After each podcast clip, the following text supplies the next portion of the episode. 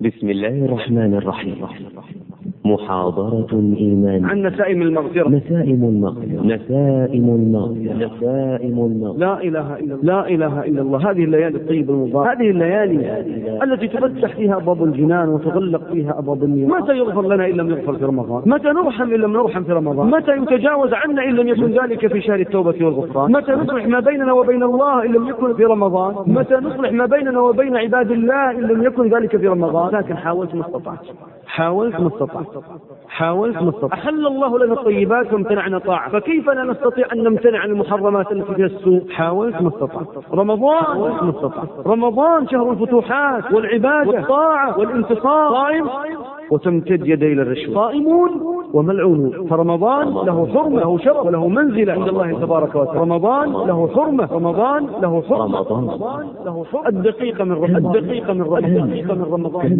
إنما هو نفحة من نفحات فضل من فضل الله. منة ربانية. وعطية إلهية. إنصاف رباني لهذه الأمة الطيبة المباركة شهر تفتح فيه أبواب الجنان تغلق فيه أبواب النيران تصفد فيه مرجة الشياطين. ويقال لباغي الخير أقصر ويقال فيه لباغي الشر أقصر لله تبارك وتعالى في كل ليلة من لياليه الطيبة المباركة من النار. شهر رمضان الذي أنزل فيه القرآن. هدى للناس وبينات من الهدى والفرقان. شهر رمضان الذي أنزل فيه القرآن. شهر الرحمة والمغفرة والعتق من النيران شهر التوبة والإنابة والرجوع إلى الله تبارك وتعالى. شهر إصلاح النفس. وإصلاح ما بين العبد وبين ربه تبارك وتعالى. وما بين العبد وبين خلق الله جل في علاه. يا أيها الذين آمنوا كتب عليكم الصيام كما كتب على الذين من قبلكم لعلكم تتقون. إذا رمضان لم يشرع أيها الأحبة يجيع الله جل وعلا به بطوننا أو يعطش به أكبادنا أو يمنعنا من شهوات فروجنا لا والله الحكمة أجل وأشمل وأعظم وأكرم من هذا. ونفحة ونسائم من نسائم الإيمان ورحمة الرحيم الرحمن. سبحانه وتعالى. فلنتعرض وإياكم إلى نفحات جود الله. لعله أن يقبلنا وإياكم في من قبل. وأن يرحمنا وإياكم في من رحم السعيد كل السعيد. من وفق فيه من الله جل وعلا. رمضان. صائمون. فلنستغل رمضان إلى المشي إلى المساجد إلى حلق العلم إلى مجالس الذكر إلى صلاة الارحام إلى إطعام المحتاجين. صائمون صائمون والناس بين يدي ربهم في الليل. صائمون صائمون القضية ان رمضان مدرسة تربوية. جامعة أخلاقية. نتعلم فيها كيف نتربى على طاعة الله سبحانه وتعالى. إذا رمضان مدرسة. وواقع الأمة يدل على أن هناك غمة. سؤال. وهنا أتساءل. هل تغيرت أحوالنا برمضانات سابقة؟ هل؟ هل تغيرت أحوالنا؟ هل تبدلت أوضاعنا؟ هل كنا أكثر قرب من الله جل وعلا؟ لماذا؟ قد آن لنا أن نتخفف من هذه الأحمال. آن لنا أن نتزلف إلى مولانا. آن لنا أن نتقرب إلى خالقنا. آن لنا أن نصلح ما بيننا وبين الله تبارك وتعالى بالتوبة والأوبة والرجوع إليه جل يا الذي ما كفاه الذنب في رجب. حتى عصى ربه في شهر شعبان. لقد أضلك شهر الصوم بعد فلا تصيح نسائم المغفرة. محاضرة قيمة لفضيلة الشيخ عبد اللطيف بن هاجس الغالي. فضله وبره وإحسانه وتوفيقه وامتنانه كما جمعني وإياكم أن يجمعني وإياكم في الدنيا على ما يرضيه عني وعنكم ثم يجمعني وإياكم أبدية سرمدية في مقعد صدق عند مليك مقتدر. وأحمد الله إليكم حمدا كثيرا طيبا مباركا فيه حمدا يليق بجلاله وعظيم سلطانه حمدا يوافي نعمه ويكافي مزيده. وأصلي وأسلم على خير معلم خير خلق الله محمد بن عبد الله صلى الله عليه وعلى آله وصحبه ومن سار على نهجه واقتفى بأثره واستنى بسنته واهتدى بهداه وأشهد أن لا إله إلا الله وحده لا شريك له وأشهد أن محمدا عبد الله ورسوله. السلام عليكم ورحمة الله تعالى وبركاته. إني لأحمد الله الذي شرفني وإياكم في هذه الليلة بالجلوس في بيت من بيوته على طاعة من طاعاته ثم إني لأشكر من كان سببا في هذا اللقاء وعونا عليه. وإني أشهد الله جل وعلا ثم أشهدكم جميعا على محبتكم في الله تبارك وتعالى على قدر إيمانكم بالله وطاعتكم له. أهلا بقوم صالحين ذوي تقى غر الوجوه وزين كل ملاء. يا طالب علم النبي محمد ما أنتم وسواكم بسواي. اللهم فصل على محمد. إنها بشرى يا معاشر الأحبة. أبثها لكم جميعا في هذه الليلة الطيبة المباركة وهي حديث نبينا وحبيبنا وقائدنا وقدوتنا محمد صلى الله عليه وسلم الذي يقول فيما يروي عن ربه عز وجل أنه قال حقت محبتي للمتحابين فيا وحقت محبتي للمتجالسين فيا وحقت محبتي للمتزاورين فيا وحقت محبتي للمتباذلين فيا. ما للعباد عليه حق واجب كلا ولا سعي لديه ضائع. إن عذبوا فبعدله أو نعموا فبفضله وهو الكريم الواسع. فأسأل الله جل وعلا أن يظلني وإياكم في ظل عرشه يوم لا ظل إلا ظله بهذه المحبة وهذا الاجتماع الطيب المبارك الذي اجتمعنا فيه من أجله سبحانه وبحمده. ولقاؤنا أيها الأحبة عن نسائم المغفرة. ولا شك أنه انطبع في أذهان الجميع أن هذه النسائم وهذه العلائم إنما هي آتية من نفحات هذا الشهر الطيب المبارك الذي أوشك أن يظلنا وإياكم بظلاله فنسأل الله أن يبلغنا وإياكم إياه.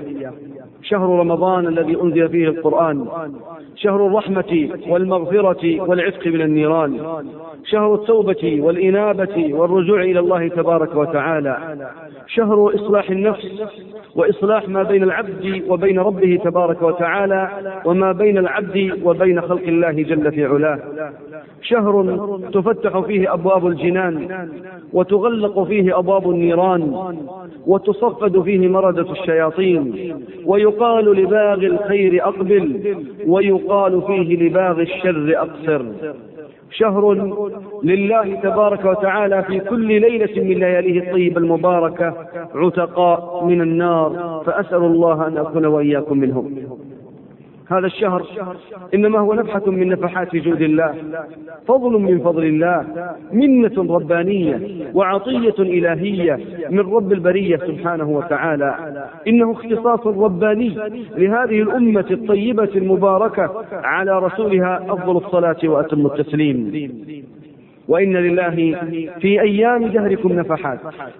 فتعرضوا لنفحات الله تبارك وتعالى في أيام دهركم. إن من نعمة الله علي وعليكم أيها الأحباب أننا اقتربنا وإياكم من هذا الشهر المبارك. والسعادة كل السعادة لمن استظل بشهر, بشهر رمضان فوفق فيه للطاعة والصيام وللقيام ولقراءة القرآن وللصدقة وللعمرة وللخير الذي هو توفيق من توفيق الله وهداية من هدايته سبحانه وتعالى. والغبن كل غبن. أن ندخل إلى رمضان ثم نخرج من رمضان كما دخلنا فيه. فأي خسارة وأي حرمان. لقد كان معنا في السنوات المنصرمة يا معشر الأحبة أناس كانوا يمشون معنا. استظلوا بظل هذا الشهر الطيب المبارك. ثم ماذا؟ هجمهم هادم اللذات تقحمهم الموت وانتقل بهم من الحياة إلى ما بعد الوفاة. فيا ليت شعري ماذا قالوا وماذا قيل لهم؟ يقول أنس بن مالك رضي الله عنه كان أخوان من بني من قضاعة. أما الأول فكان أشد الاثنين طاعة لله تبارك وتعالى. أكثر الاثنين إقبالا على الله جل وعلا. أكثر الاثنين سباقا للخير. ومات شهيدا في سبيل الله تبارك وتعالى. وخلف أخاه من بعده سنة. ثم مات حتف أنفه على فراشه. لم يمت في سبيل الله تبارك وتعالى. طلحة بن عبيد الله رضي الله عنهما رأى في المنام رؤيا. فما تلك الرؤيا معاشر الأحباب؟ رأى أن هذين الأخوين دخلا إلى الجنة. ولكن الأمر العجيب الغريب في هذا في هذه الرؤيا أن الثاني دخل إلى الجنة قبل أخيه الذي مات من قبله بعام وكان في منزلة أعلى وأسمى في درجات الجنة من أخيه.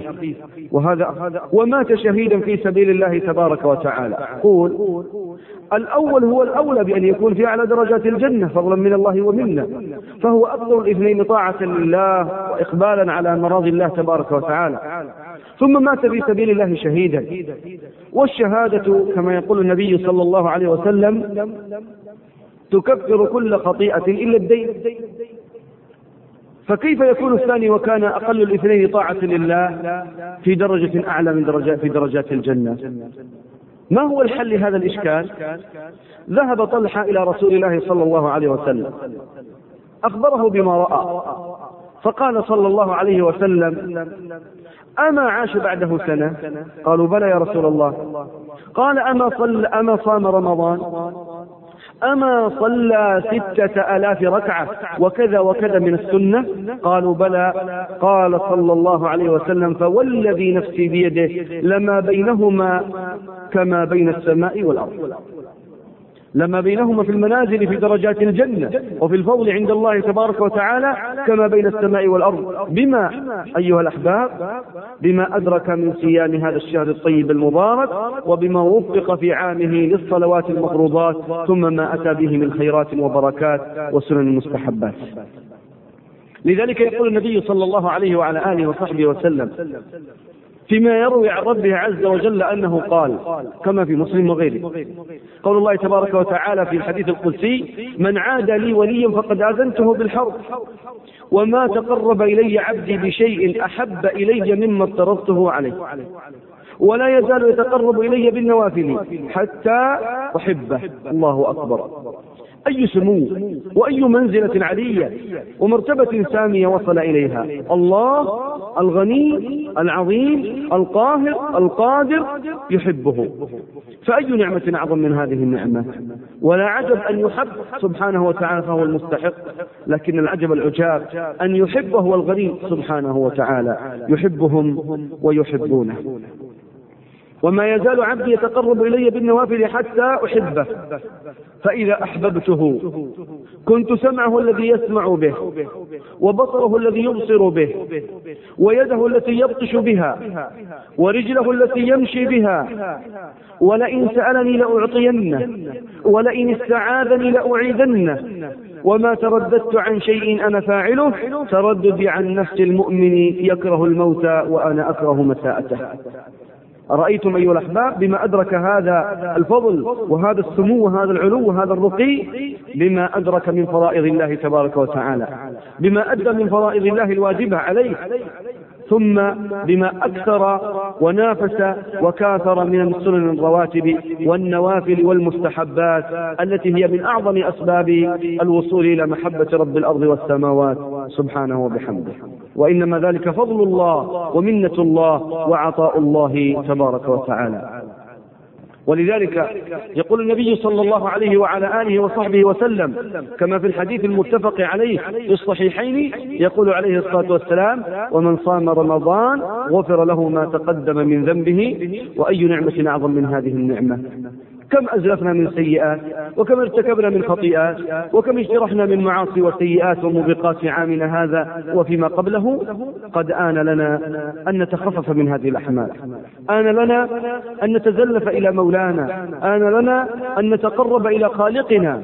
آن لنا أن نصلح ما بيننا وبين الله تبارك وتعالى بالتوبة والأوبة والرجوع إليه جل في علاه. يا ذا الذي ما كفاه الذنب في رجب حتى عصى ربه في شهر شعبان لقد أضلك شهر الصوم بعدهما فلا تصيره أيضا شهر عصيان. إن من الشفعاء في يوم القيامة. عند الله تبارك وتعالى للعبد المؤمن من أعماله الصيام. فالقرآن والصيام شافعان للعبد المؤمن عند الله تبارك وتعالى. فويل ثم ويل ثم ويل لمن كان شفيعه خصيمه بين يدي الله في يوم القيامة. إذا أن لنا أيها الأحبة أن ننظر إلى هذه البركات وهذه الخيرات في شهرنا هذا الطيب المبارك لنستفيء وإياكم إلى ظلال هذه الدوحة المباركة ولنغنم هذا الخير الذي هو مقبل علينا بإذن ربنا سبحانه وتعالى. وهنا مسألة في غاية الأهمية. وهي قضية على جانب عظيم من الأهمية. وهي قضية لماذا لماذا رمضان؟ لماذا ألزمنا الله جل وعلا بالصيام والقيام؟ لماذا أمرنا الله تبارك وتعالى أن نحسن الأعمال في هذا الشهر الطيب المبارك؟ لماذا شرع الله لنا صيام رمضان؟ يقول تبارك وتعالى يا أيها الذين آمنوا اسمعوا كل منكم مخاطب بهذه الآية. رعوها أسماعكم. افتحوا لها مغاليق قلوبكم. أرهفوا لها حسكم. يقول سبحانه وتعالى يا أيها الذين آمنوا كتب عليكم الصيام أي فرض عليكم الصيام كما كتب على الذين من قبلكم. لما؟ ما هي الحكمة؟ ما هي الغاية؟ قال سبحانه وتعالى لعلكم تتقون. إن من الحكم أن نصل وإياكم إلى درجة التقوى أن نرتقي في مدارج السالكين إلى رب العالمين سبحانه وتعالى أن نصل إلى درجات في التقوى ترضيه عنا سبحانه وتعالى. إذا رمضان لم يشرع أيها الأحبة ليجيع الله جل وعلا به بطوننا أو يعطش به أكبادنا أو يمنعنا من شهوات فروجنا. لا والله الحكمة أجل وأشمل وأعظم وأكرم من هذا. ولذلك يقول النبي صلى الله عليه وسلم كما في الحديث الذي في الصحيح يقول من لم يدع قول الزور والعمل به فليس لله حاجة في أن يدع طعامه وشرابه. الله غني عنا وعن طاعاتنا سبحانه وتعالى. والله لا يزيد في ملك في ملك الله تبارك وتعالى طاعة طائع ولا ينقص من ملك الله تبارك وتعالى معصية عاصي إذا نحن أنا وأنت وهو وهي نحن جميعا الفقراء إلى الله. يا أيها الناس أنتم الفقراء إلى الله. والله هو الغني الحميد. إن يشأ يذهبكم ويأتي بخلق جديد. وما ذلك على الله بعزيز. وإن تتولوا يستبدل قوما غيركم ثم لا يكونوا أمثالكم. نحن الفقراء إليه سبحانه وتعالى. عباده سوانا كثير كثير. لا عد ولا حد لهم. أما نحن أنا وأنت. فنحن الفقراء الضعفاء البؤساء الأذلاء بين يدي رب الأرض والسماء سبحانه وتعالى. نحن في حاجة ماسة. إلى أن يتفضل علينا بفضله ويتكرم علينا بجوده ويحلل علينا شآبيب رحمته ويمتن علينا وعليكم بشيء من فضله سبحانه وتعالى وهو ذو الفضل العظيم. لذلك أيها الأحبة عندما غابت هذه القضية وهو الصيام الكامل الشامل عن أذهان كثير من المسلمين لم يستفيدوا من هذا الشهر الطيب المبارك. دخلوا فيه وخرجوا منه كأن لم يدخلوا فيه. وهذه خسارة وحرمان ليس من بعده حرمان. وأتساءل أيها الأحبة كم مر علينا نحن؟ كم مر علينا أيها الأحبة هذا الشهر في أعمالنا؟ عشر سنوات عشر مرات عشرون ثلاثون أربعون خمسون ستون. ماذا غير هذا الشهر في حياتنا؟ ماذا تغير من حال أمتنا بشهرنا هذا؟ هل رمضان إذا جاء إلينا ثم خرج عنا أيها الأحبة تغيرت أحوال العالم الإسلامي؟ انتقلوا من الذلة إلى العزة؟ من المهانة إلى السؤدد والكرامة من الانكسار والخذلان إلى القوة والفتوة والعزيمة من ذيل القافلة إلى أولها كما ينبغي أن يكونوا. هذا على مستوى الأمة. ثم على مستواي أنا وأنت كأفراد. هل تغيرت أحوالنا برمضانات سابقة؟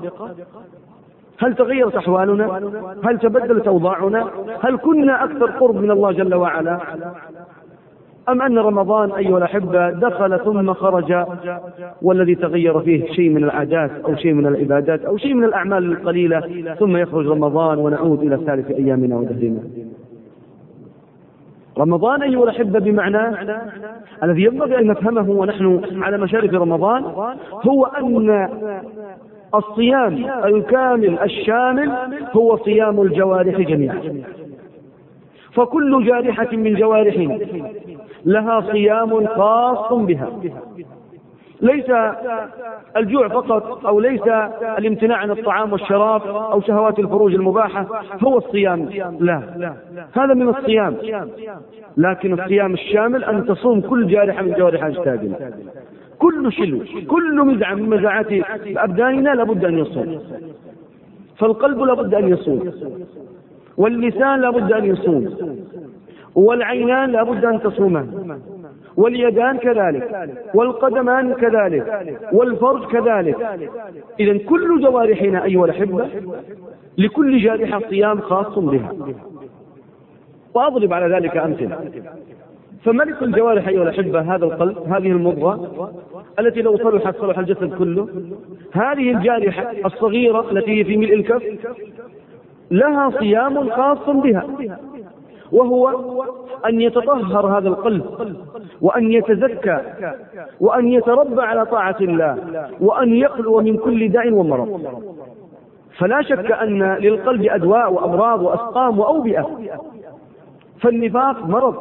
كما قال الله جل وعلا في قلوبهم مرض. فزادهم الله مرضا وحب الشهوات مرض. فيطمع الذي في قلبه مرض. أي في حب الزنا والتعلق بالنساء. هذا مرض. كذلك حب الكفار والكافرين. الولاء للكفر والكافرين مرض وداء عضال. التعلق بالشهوات. حب ما يكرهه الله جل وعلا. بغض ما يحبه الله تبارك وتعالى. هذه أدواء قلبية. لا بد أن يصوم هذا القلب منها. والفؤاد الذي هو القلب هو محط الرب سبحانه وتعالى له صيام أيها الأحبة. ولذلك يقول عبد الله بن عمرو بن العاص رضي الله عنهما يقول فيما يخبر عن النبي صلى الله عليه وسلم أنه قال إن من أفضلكم صدوق اللسان مخموم القلب. قالوا يا رسول الله صدوق اللسان نعرفه لا يكذب لا يتكلم بحرام. فما مخموم القلب؟ قال صلى الله عليه وسلم هو التقي النقي لا إثم فيه ولا بغي ولا غل ولا حسد. ائتوني بمثل هذا القلب أيها الأحبة. تقي نقي لا إثم فيه ولا بغي ولا غل ولا حسد. وواقع الأمة يدل على أن هناك غمة في القلوب. الآن القطيعة الفظيعة بين الطلبات ما سببها؟ أحقاد دفينة في هذه القلوب. ربما يظل الرجل قاطعا هاجرا لأقرب الناس منه ولأحق الخلق به. إما أبوه أو أخوه أو عمه أو خاله أو غير ذلك من قرابته ولماذا؟ لأن هناك داء دفين في القلب. الآن أيها الأحبة كم هي الأسقام في أبدان المسلمين؟ من جراء المرض الذي في قلوب بعضهم. ما هو الحسد؟ داء قلبي. مما تأتي العين من الحسد والفقر القلبي. والنبي صلى الله عليه وسلم يقول إن العين حق. فالعين حق. والله جل وعلا أثبت ذلك في كتابه. وإن يكاد الذين كفروا ليزلقونك بأبصارهم لما سمعوا الذكرى ويقولون إنه لمجنون. والنبي صلى الله عليه وعلى آله وصحبه وسلم يقول إن العين تستنزل الحالق من السماء الطائر في السماء تصيبه العين فيسقط في الأرض. ويقول عليه الصلاة والسلام إن العين لتدخل الرجل القبر وتدخل الثور والجمل القدر من جراء ماذا؟ فقر قلبي في قلوب بعض الناس المسلمين للأسف الشديد أيها الأحبة بل أعطيكم حديث رهيب مهيب. وذكره الشيخ الألباني وصححه وهو حديث مخيف. يقول النبي صلى الله عليه وسلم فيه أكثر موتى أمتي من الأنفس يعني من العين. أكثر من في القبور من أمة الإسلام من جراء الإصابة بالعين. نسأل الله العفو والعافية. من أين أتى هذا أيها الأحبة؟ لأن القلوب فيها داء. وهو داء الحسد داء عدم القناعة والرضا بعطايا الرب سبحانه وتعالى التطلع لما في أيدي الناس. إذا نحن حاجة في حاجة ماسة إلى أن تصوم هذه القلوب عن هذه المحرمات.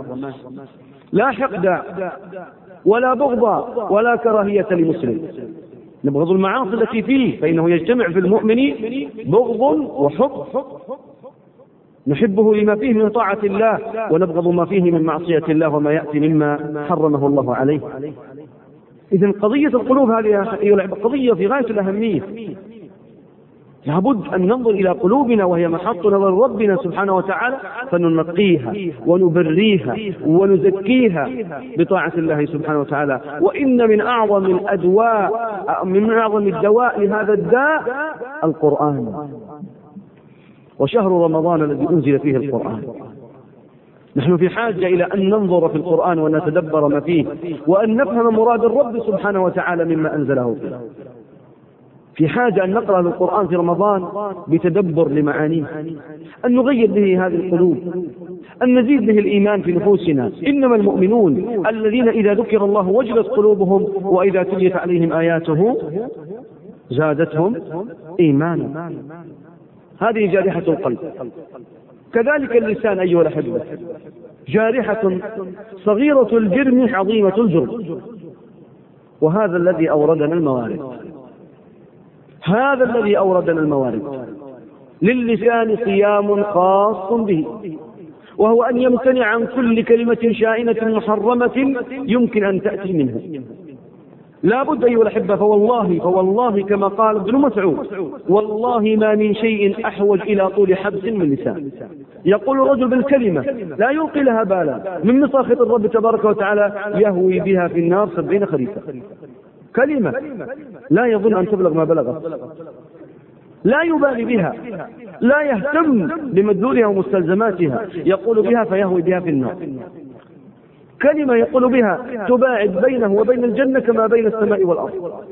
كلمة يقول بها يستوجب له بها غضب الله جل وعلا. إذا نحن في حاجة إلى صيام هذا اللسان. ولذلك يقول النبي صلى الله عليه وسلم كما في الحديث الذي في الصحيح وله رواية متعددة يقول عليه الصلاة والسلام من ضمن لي ما بين لحييه وما بين فخذيه ضمنت له الجنة. ضمان نبوي. ممن لا ينطق عن الهوى صلى الله عليه وسلم بأن من حفظ ما بين هذين الفكين وبين هاتين الشفتين مما يغضب الله ضمان له بجنة الله تبارك وتعالى. فأي نعمة أعظم من هذه النعمة؟ لكن قضية حبس اللسان قضية صعبة. صعبة جدا. بل هي حقيقة لا يوفق لها إلا كل مسلم صادق. ولأن صيام اللسان أيها صيام صعب. جعله الله جل وعلا تكليف للأمة السابقة. كما قال سبحانه وتعالى إني نذرت للرحمن صوما فماذا؟ فلن أكلم اليوم إنسيا. كانوا يصومون بأن يمتنعوا عن الكلام. ما يتكلمون وهذه قضية ليست بالهين. بل إن الامتناع عن الكلام أيها الأحبة عقوبة. النبي صلى الله عليه وسلم استخدمها مع بعض الصحابة. كعب بن مالك وهلال بن أمية ومرارة بن الربيع الثلاثة الذين تخلفوا عن غزوة تبوك. بماذا عوقبوا يا إخواني؟ هل عوقبوا بالسجن أو بالضرب أو بالطرد أو بغير ذلك؟ لا والله. عوقبوا بأن لا يكلموا. أكثر من خمسين يوما والمجتمع المسلم قاطبة لا يكلمهم. حتى ضاقت عليهم أنفسهم. وضاقت عليهم الأرض بما رحبت. وبلغ بهم الهم والغم والحزن والألم والكمد والنكد مبلغا عظيما. حتى أن كعب يقول كنت أدخل إلى رسول الله صلى الله عليه وعلى آله وصحبه وسلم. فألقي عليه السلام فلا أدري أرد علي صلى الله عليه وسلم أم لم يرد عليه. كنت أصلي فيسارقني النظر فيصلي فأسارقه النظر. حتى الزوجات في بيوتهم أمرن بأن لا يتكلمن معه حتى أصبحوا في أمر مريج. قضية اللسان قضية كبيرة خطيرة. فنحن في حاجة إلى أن نمسك بهذه الألسن الله تبارك وتعالى جعل لنا لسانا وجعل لنا أذنان وهنا يأتي السؤال هل نسمع بمقدار ما نتكلم؟ أم أن الكلام للأسف الشديد يكثر ويكثر ويكثر وقل أن نسمع شيئا مفيدا يقربنا من الله جل وعلا؟ ولذلك يقول النبي صلى الله عليه وعلى آله وصحبه وسلم مبينا ما هي العلة والحكمة. يقول عليه الصلاة والسلام كما في الصحيح وإن امرؤ سابك أو شتمك فقل إني امرؤ صائم. إني صائم. إني امرؤ صائم. أنا لا أتكلم بهذه السخافات ولا أرد عليك بمقتضى الحال لا. أنا صائم. أي أني سأمتنع عن كل كلمة محرمة. لم يجع بطني. لا حتى لساني لابد أن يصل. والناظر إلى حالنا أيها الأحبة يتألم ويتحزن ويتفطر قلبه ألما وكمدا عندما يرى وينظر إلى أحوال بعض المسلمين في رمضان. لا تسوء أخلاقه ولا تستفز أعصابه ولا يهيج بأعظم مما يهيج في رمضان.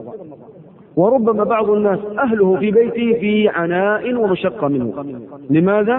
فلان صائم بل إن هذه الكلمة يا إخواني التي هي مدعاة للتطهير لهذا اللسان مدعاة عند بعض الناس أن يتكلم بالحرام وأن يعذر في سوء خلقه. تنظر إلى اثنين يتخاصمان أو يتهاتران أو يتشاتمان فتأتي إلى أحدهما تقول يا أخي الكريم أنت صائم؟ يقول نعم صائم. فيأتيك آخر يقول يا أخي اعذر ترى الأخ صائم.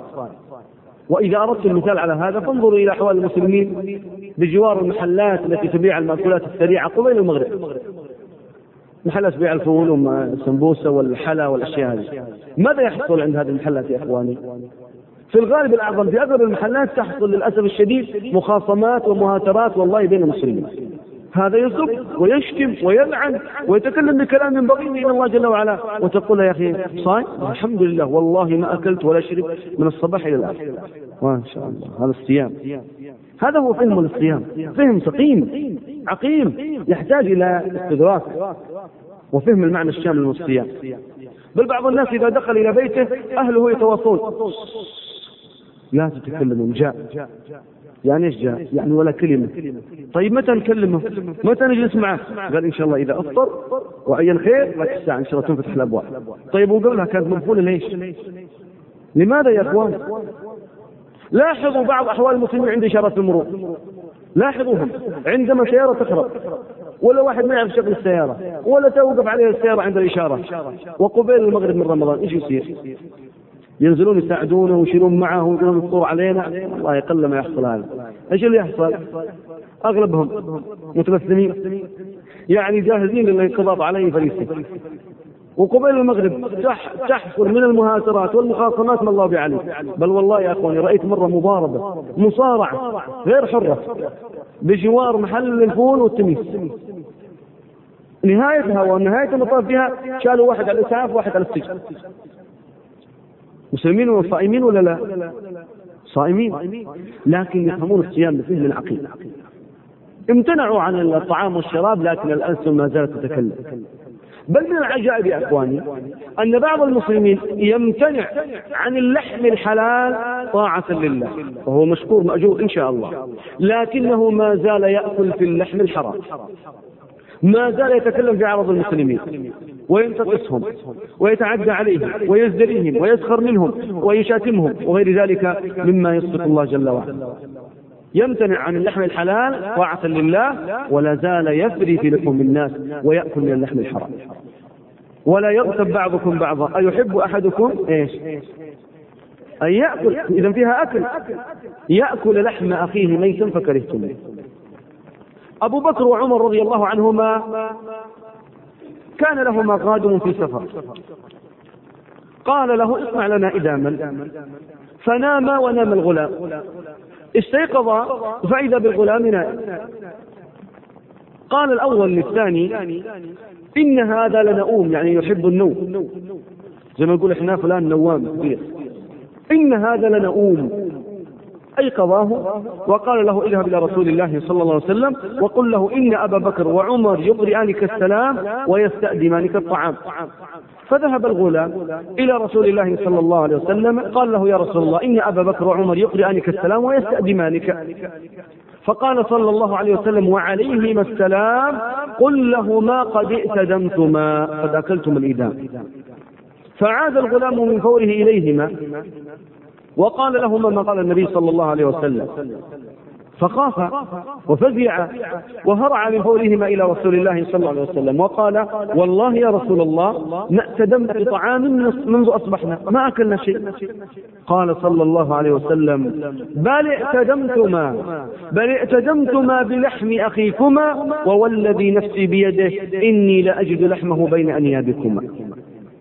إني لأجد لحمه بين أنيابكم. لمن هذا الخطاب يا أيها الأحباب؟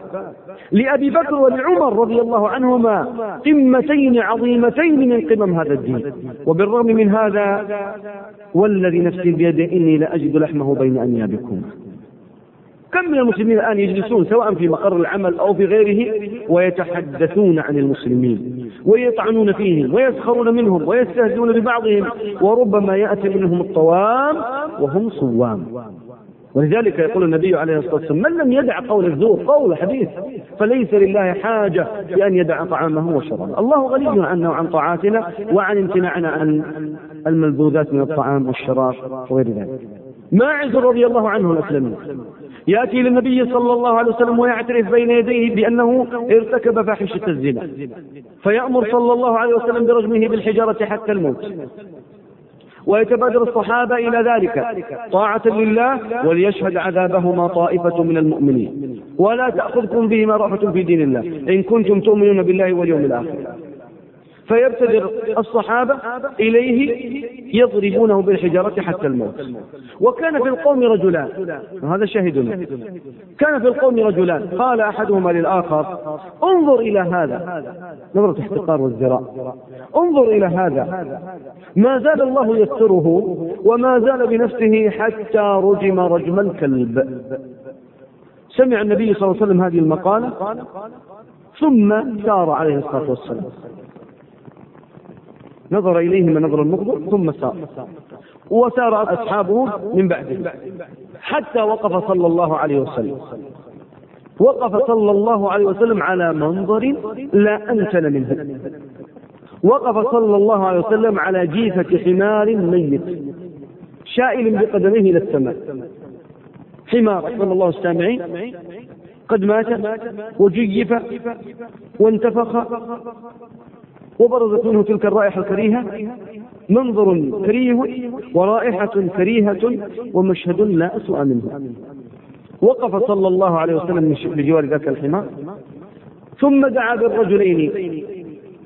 أين فلان فلان قال ها نحن زاني يا رسول الله. فقال لهما صلى الله عليه وسلم كلا. كلا؟ قال غفر الله لك يا رسول الله. أمن هذا نأكل؟ قال كلا. لما أكلتما من لحم أخيكما آنفا أشد من هذه ووالذي نفسي بيده إنه لينغمس في أنهار الجنة الساعة. ماعز انغمر في أنهار الجنة بتوبته إلى الله جل وعلا؟ أما العقوبة لهذين الرجلين كلا.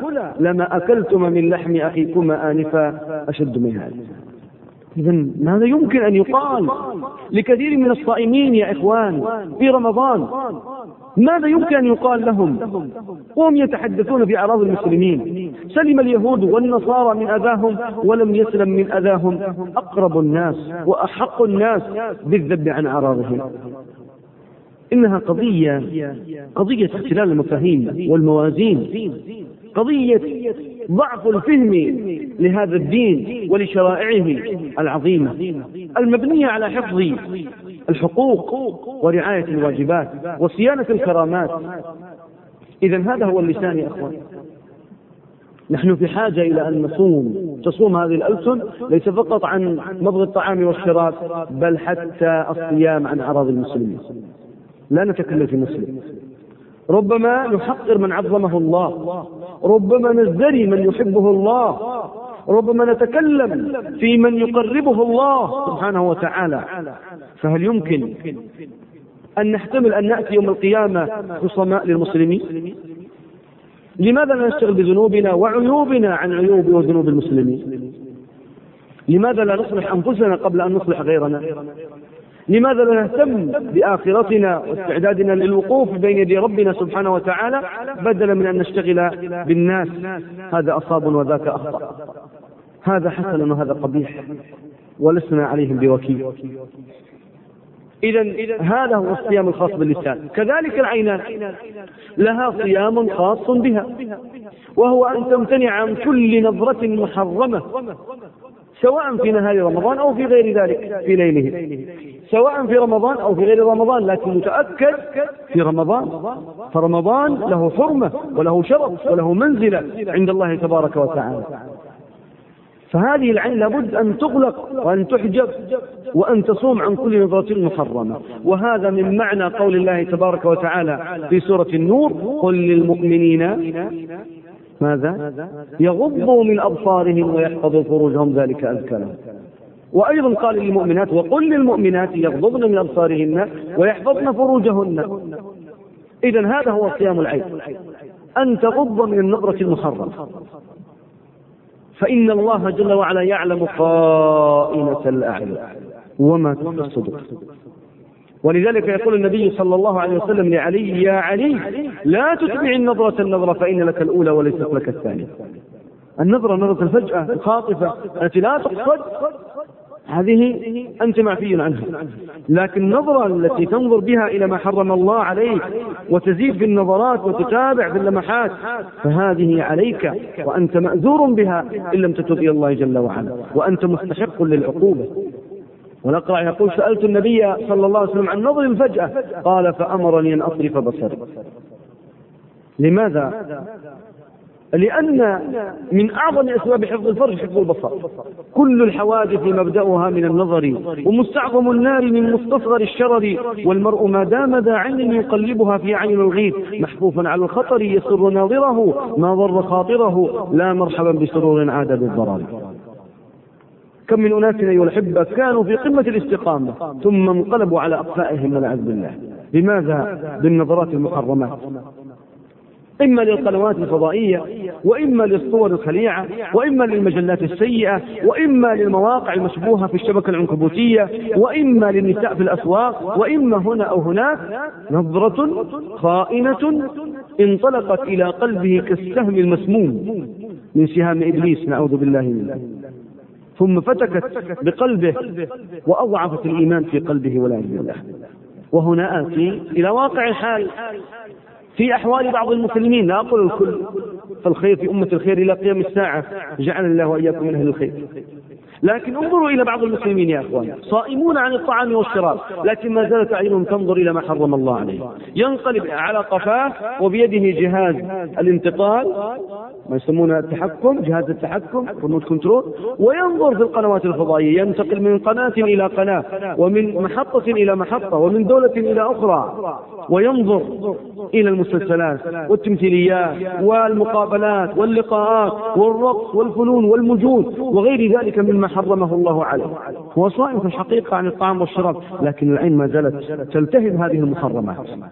وهذه قضية ينبغي أن ننتبه لها. وأن نتفطن إليها وأن نحذر منها. لماذا؟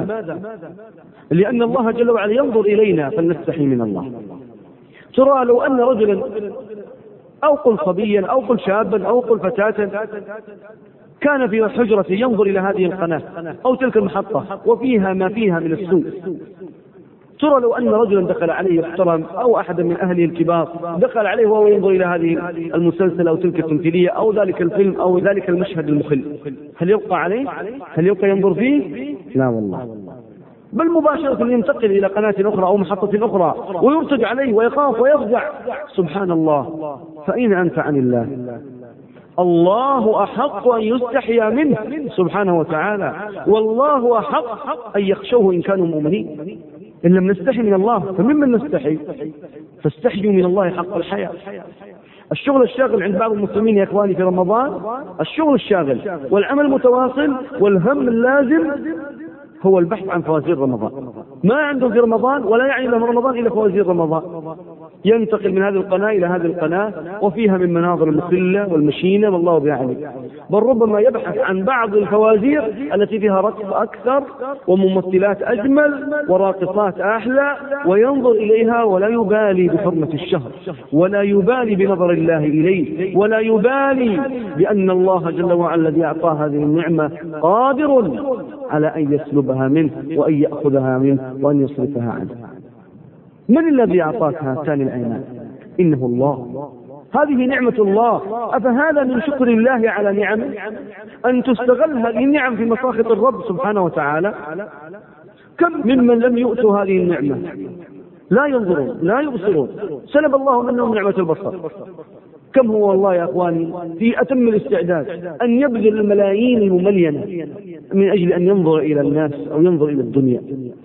لو قيل له تجرد من كل ما تملك من حطام الدنيا مقابل أن تعودك هذه العين المسلوبة منك يقول والله على أتم الاستعداد. لكن انظر فيا سبحان الله الله بمنته بعطائه بفضله بكرمه أعطاك. ثم تحارب مولاك بما أولاك. تحارب الله بنعمة الله. وما بكم من نعمة فمن الله. وإن تعدوا نعمة الله لا تحصوها. إذا يا إخوان دعوة لكل أحبابي وإخواني أن تصوم هذه العيون عن مساقط الرب سبحانه وتعالى. وإذا أردت أن تنظر إلى نظرة محرمة فتذكر أن نظر الله إليك أسبق من نظرك أنت إلى المنظور إليه. والمراقبة لله هي علم القلب بقرب الرب سبحانه وتعالى. فهو يعلم ما تخفي هذه الصدور وما تكن هذه القلوب ويعلم خائنة الأعين سبحانه وتعالى. ومن الصيام الصيام عن الحرام الذي يمكن أن يؤتى من قبل هاتين الأذنين. إذا الأذنان لها صيام وهو ألا تسمع إلى حرام. لماذا؟ لأنك مسؤول. نعم أنت مسؤول بين يدي الله جل وعلا عن عن أذنيك. يقول سبحانه وتعالى ولا تقف ما ليس لك به علم إن السمع والبصر والفؤاد كل أولئك كان عنه مسؤولا إذا السمع أنت مسؤول عنه. أمام الله جل وعلا. ماذا استمعت؟ إلى ماذا أصحت السمع؟ إلى ما أرهبت الحس؟ إلى ما فتحت مغالق هذه الأذن؟ إلى ما استمعت. وأعود لأنظر وإياكم إلى واقع بعض بعض شبابنا أو بعض رجالنا أو بعض نسائنا. هو صائم عن الطعام والشراب لكن للأسف الشديد ما زال يسمع المحرمات إذا ركب السيارة شغل الأغاني. وإذا دخل إلى البيت استمع إلى الأغاني والمعازف. وإذا أراد أن ينام أيضا استمع إلى هذه الأغاني والحرام ولو سألت أنت صائم الحمد لله صائم. سبحان الله. الله حرم عليك هذا السمع. حرم عليك أن تستمع إلى هذا الحرام. منعك منه. ابتلاك واختبرك. هل تمتنع طاعة لله أم تقدم مراد النفس على مراد الرب سبحانه وتعالى؟ كذلك سماع الحرام سواء من الغيبة أو النميمة أو السخرية والاستهزاء والطعن واللعن وغير ذلك من مساخط الله جل وعلا. يحرم على الأذن أن تسمع. والذي حرم عليك أن تتكلم بالغيبة حرم عليك أن تسمع لها. والذي حرم عليك أن تطعن في المسلمين أو تتكلم بأي كلمة محرمة حرم عليك أن تجلس في مجلس فيه شيء من الباطل إلا أن تنكر أو فلتقم. لا يجوز لك أن تجلس في مجلس فيه شيء من الحرام إلا أن تنكر فإن لم تستطع فلتخرج. وهذا من مقتضى الآيات الدالة على مثل هذا الأمر. كذلك الاستماع إلى كلام بعض الناس وهم لك كارهون. التجسس على المسلمين. إساقة السمع على أقوال الناس وتتبع عورات المسلمين. يقول النبي صلى الله عليه وسلم كما في الصحيح يقول من استمع إلى حديث قوم وهم له كارهون صب في أذنه الآنك يوم القيامة وهو الرصاص المذاب. الرصاص يحمى عليه ثم يسكب في اذانهم لماذا؟ لما استمعوا من كلام المسلمين وهم لهم كارهون. إذا قضايا ينبغي أن نهتم بها بهذه الأذن يا أخواني.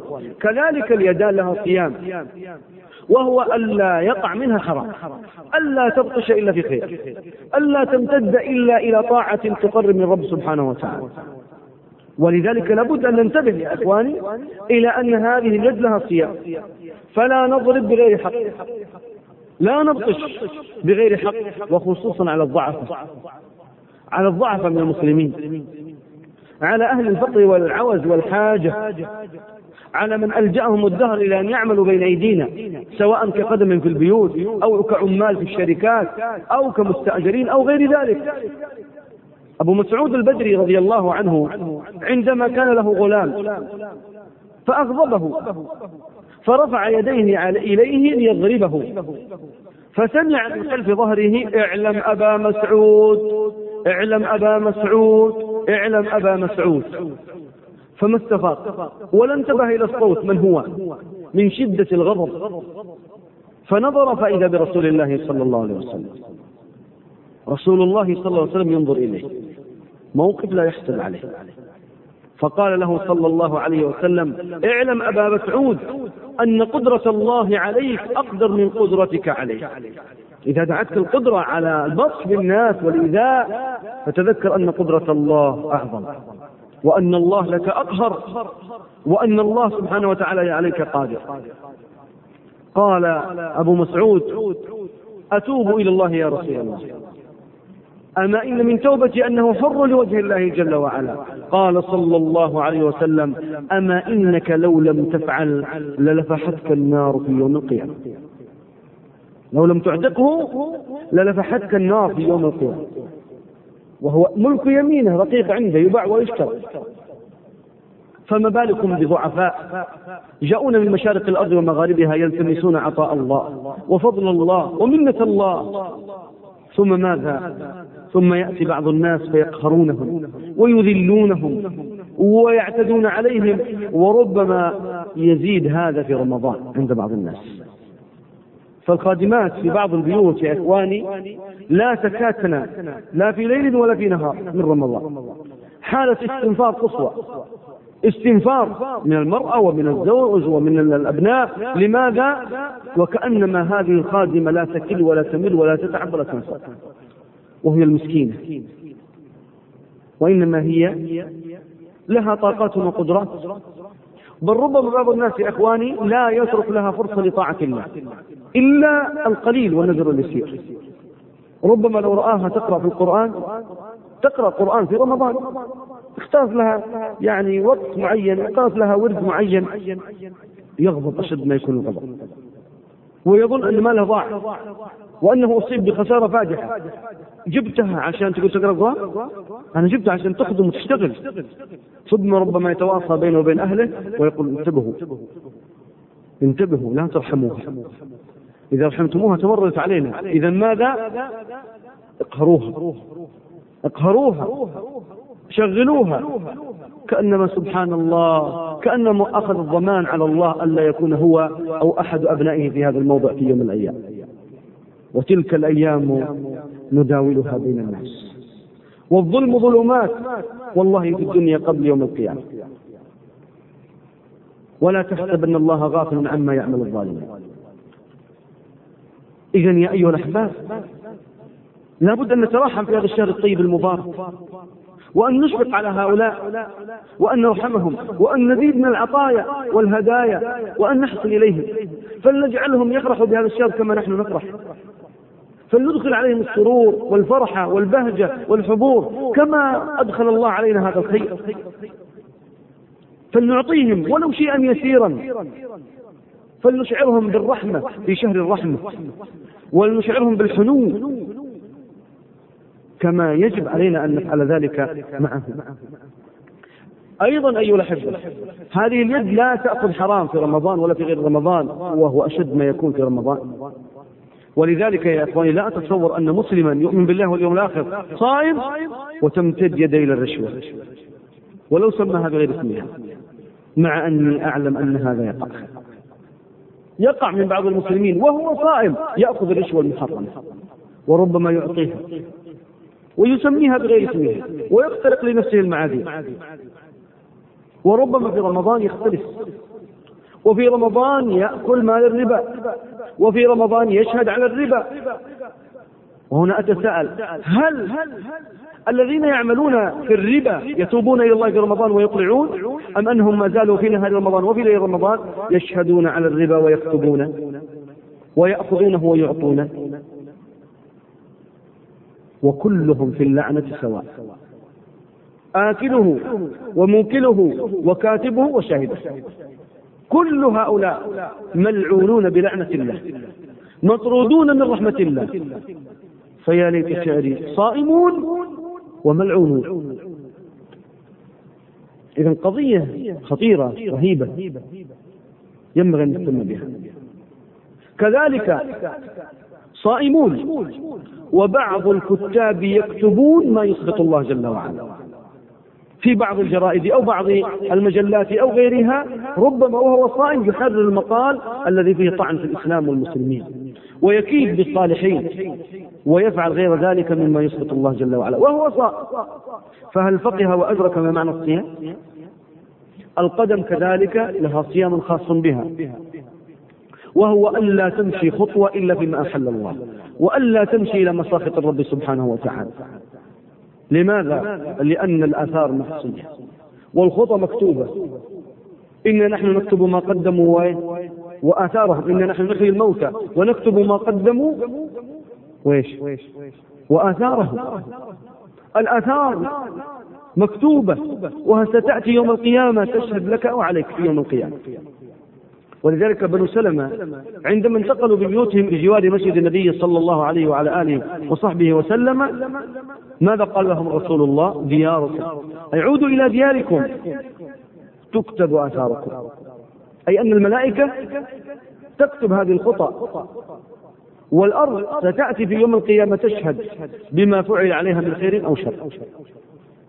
فهذه أخبار الأرض يومئذ تحدث أخبارها. أي بما فعل عليها من خير وشر تقول يا ربي فعل فلان كذا وكذا يوم كذا وكذا. إذا ما من خطوة إلا ويجب أن تكون لله سبحانه وتعالى. في مراضي الرب سبحانه وتعالى. فلنستغل رمضان إلى المشي إلى المساجد إلى حلق العلم إلى مجالس الذكر إلى صلة الأرحام إلى إطعام المحتاجين. السعي في مناكب الأرض إلى البذل إلى غير ذلك من وجوه الخير والخطوات المباركات. وإلا فإنك إن لم تشغل نفسك بطاعة الله شغلت بمعصية الله. إن لم تكن هذه الآثار فيما يرضي الرب وإلا فإنها ستكون هذه الخطوات في مساخط الله جل وعلا. وهذا يفسر لنا يا إخواني ما يقع في أسواق المسلمين في رمضان. من بعض الشباب الذين ربما حتى في نهار رمضان صائمون والناس بين يدي ربهم في الليل قائمون وهم ما زالوا يدورون في الأسواق كالرحاة لماذا يتحرشوا ببنات المسلمين؟ بالمغازلات والمعاكسات وغير ذلك مما يسخط الله جل وعلا. بل أعطيكم خطوات أعظم من هذه الخطوات. وهي لا شك أنها محرمة. وهي دين لابد أن يقضى. في بعض أيام رمضان يصاب بعض المسلمين ببعض الأسقام والأمراض. يتوجعون ويتألمون. فيذهبون إلى بعض الأطباء والمعالجين. ومن حكمة الله البالغة سبحانه وتعالى يؤخر عنهم الشفاء ابتلاء تمحيص. ينظر ماذا يصنعون. يذهبون إلى بعض القراء يقرؤون عليهم. الله ابتلاء وتمحيصا لهم والحكمة البالغة أيضا يجري عنهم العلاج والشفاء. وما من داء إلا وله دواء. علمه من علم وجهله من جهل كما يقول النبي صلى الله عليه وسلم. فماذا يصنع بعض ضعاف الإيمان؟ يمشي الخطى في نهار رمضان. إلى أين؟ إلى السحرة والمشعوذين. إلى الدجالين. إلى من يدعون علم الغيب. إلى من يغضبون الله جل وعلا في رمضان وفي غير رمضان. ولذلك يقول النبي صلى الله عليه وعلى آله وصحبه وسلم ومن أتى كاهنا أو عرافا فسأله فصدقه بما يقول فما هي النتيجة؟ فقد كفر بما أنزل على محمد. وإن مما أنزل الله على محمد صلى الله عليه وسلم أن علم الغيب لا يعلمه إلا من؟ إلا الله علام الغيوب. عالم الغيب والشهادة. سبحانه وتعالى. لا يعلم من في السماوات والأرض الغيب إلا الله. وما يشعرون أيان يبعثون فعلم الغيب علم رباني ليس إلا لله. إلا ما يطلع سبحانه وتعالى من بعض عباده كالأنبياء والرسل وبعض الملائكة. شيء قليل من شيء كثير لا يعلمه إلا الله الذي أحاط بكل شيء علما. أما نحن فما أوتيتم من العلم إلا قليلا. فعلم الغيب عند الله جل وعلا. هؤلاء السحرة المشعوذون الدجالون الكهانون إما ضاربي الودع أو ضاربي الرمل أو الذين يخطون يقرؤون الكف أو الذين يرجمون بالغيب أو الذين يقرؤون النجوم أو هؤلاء أولئك. وإن تغيرت وتبدلت أسماؤهم وصفاتهم إلا أنهم يدعون علم الغيب الذي لا يكون إلا لله. ومن صدقهم بهذا فقد كفر بما أنزل على محمد صلى الله عليه وسلم. صائم ويكفر.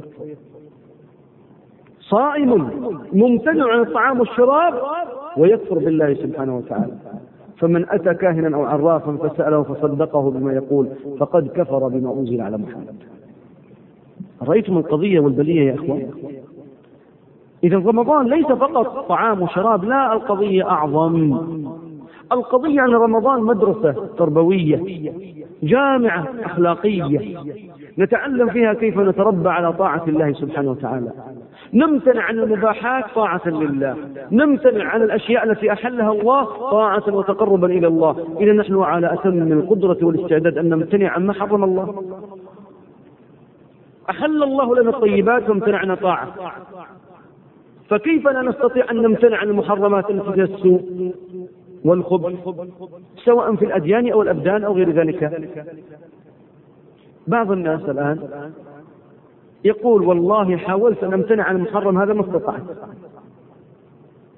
لماذا الاستطاع قال يا أخي الكريم حاولت مرات ومرات وما استطعت؟ ولنأخذ على ذلك مثال. الدخان مثلا الشيشة المعسل الشمة النشوك وغير ذلك من هذه البلايا. أو المخدرات في أشياء ثانية. بعضها عرفها وبعضها ما عرفها هذه الأشياء يا إخوان كثير من الناس تقول يا أخي امتنع طاعة لله يقول والله أني أعلم أنها مضرة وسيئة وخبيثه ولا تجوز لكن حاولت ما استطعت. حاولت ما استطعت. تأتي إليه تقول يا أخي الكريم هل استطعت في رمضان أن تمتنع عنها من الصباح إلى المساء؟ يقول ولله الحمد لله أعانني الله. تقول إذا أنت الآن مستعد لديك قدرة لديك إرادة. لديك عون إلهي من الله جل وعلا. امتنعت عن الدخان من الصباح إلى المساء طاعة لله. وربما لا يفكر في الدخان أبدا. من الصباح من الساعة الخامسة مثلا. إلى الساعة السادسة مغرب ما يفكر في الدخان أبدا. يمكن أول الأيام يمسك الجيب شوي وبعدين يفكر لكن بعدها خلاص ينتهي الدخان من ذاكرته تماما. لكن قبل المغرب ربع ساعة نصف ساعة إيش يصير؟ ها؟ يضع يده على جيبه يتأكد من إيش؟ ها؟ إنه البكت موجودة العلبة موجودة. وصاحب الشيشة وين يروح؟ يحوم حول الحمى. يوشك أن يرتع فيه. يدور على إيش؟ على مئذنة الشيطان. على الشيشة. يدور حولها. الماء موجود والجمر اللي يحطه على النار. فيفطر على تمرة وجمرة. والله بعض الناس يا إخوان يدخن قبل ما يفطر. قبل ما يأكل تمرة قد دخل السيجاره في فمه ليش؟ أنت استطعت أن تمتنع من الصباح إلى المساء عندما كان عندك إرادة وقوة وعزيمة فلماذا انهزمت هنا؟ لماذا انهزمت؟ رمضان رباك على أن تمتنع عن ما حرم الله عليك إذا أنت قادر بإذن الله جل وعلا أن تمتنع عن كل حرام من الصباح إلى المساء إذا يتكلم كلام سيء يضحك مع زملائه يتريق يسخر يقول يا أخي لا ترى إحنا صايمين أحسنت صنعا. لكن يقول موعد إن شاء الله في الليل. لما نجلس على إيش؟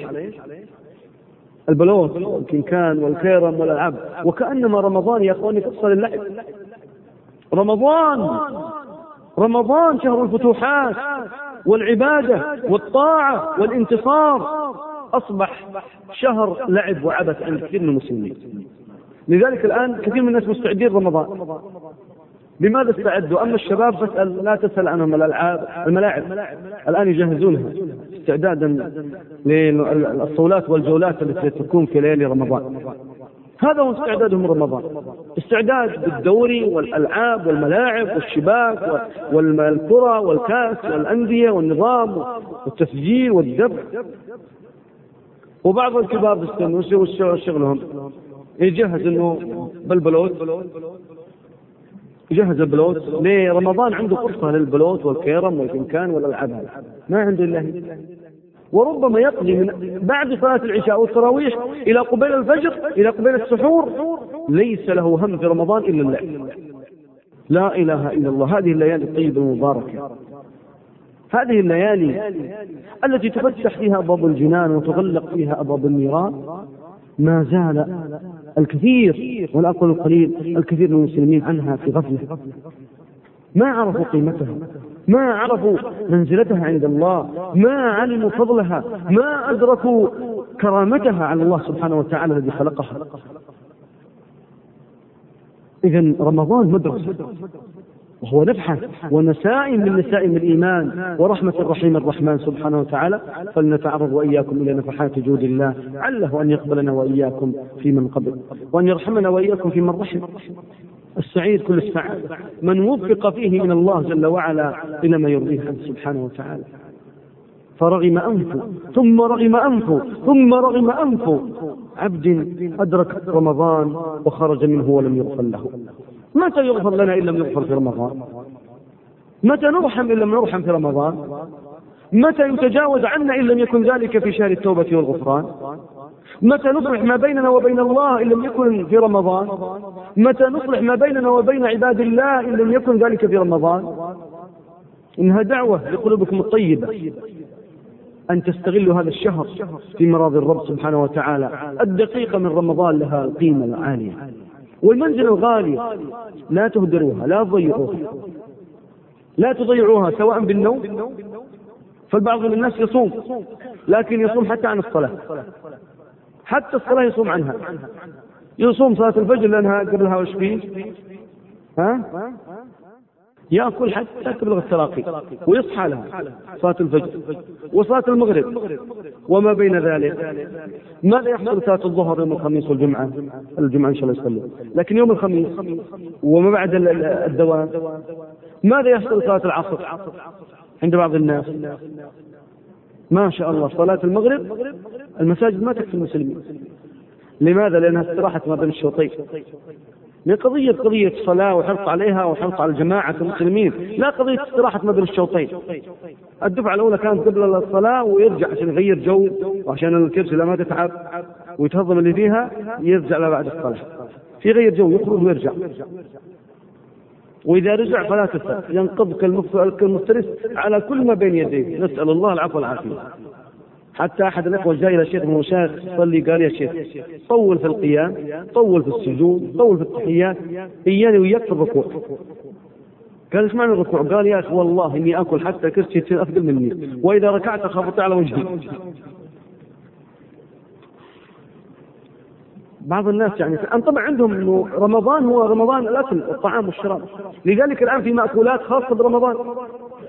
وأنتم لستم ببعيدين عن عن حلقة الخضار يعني الأيام القادمة أيام هجرة جماعية. لماذا؟ إلى حلقة الخضار لا يفرق الناس عنها إلا بالشرع. لماذا؟ كأنما والله المسلمون داخلون على مجاعة. وبدل من أن نتخفف في رمضان من أحمالنا وأوزاننا وإذا باي أوزاننا تزيد في رمضان. لماذا؟ نمتنع من الصباح إلى المساء، وإذا جاء المساء أكلنا إلى الصباح، كأننا ننتقل. كأننا نبغى نقول بالصعصعين. امتنعنا من الصباح المساء، طيب. إن شاء الله عندي من المساء إلى الصباح. ولا شغل لبعض النساء إلا الاعداد لهذا الطعام والشراب. ضاع يومها، ضاعت أوقاتها، لا تقرأ في القرآن إلا شيئا قليلا، لا شغل لها إلا بالطعام تم هذا العمل باستوديو الركائز الهندسة الصوتية عبد العزيز جبرتي التقديم والإخراج عباس أبو النجاة. والسلام عليكم ورحمة الله وبركاته.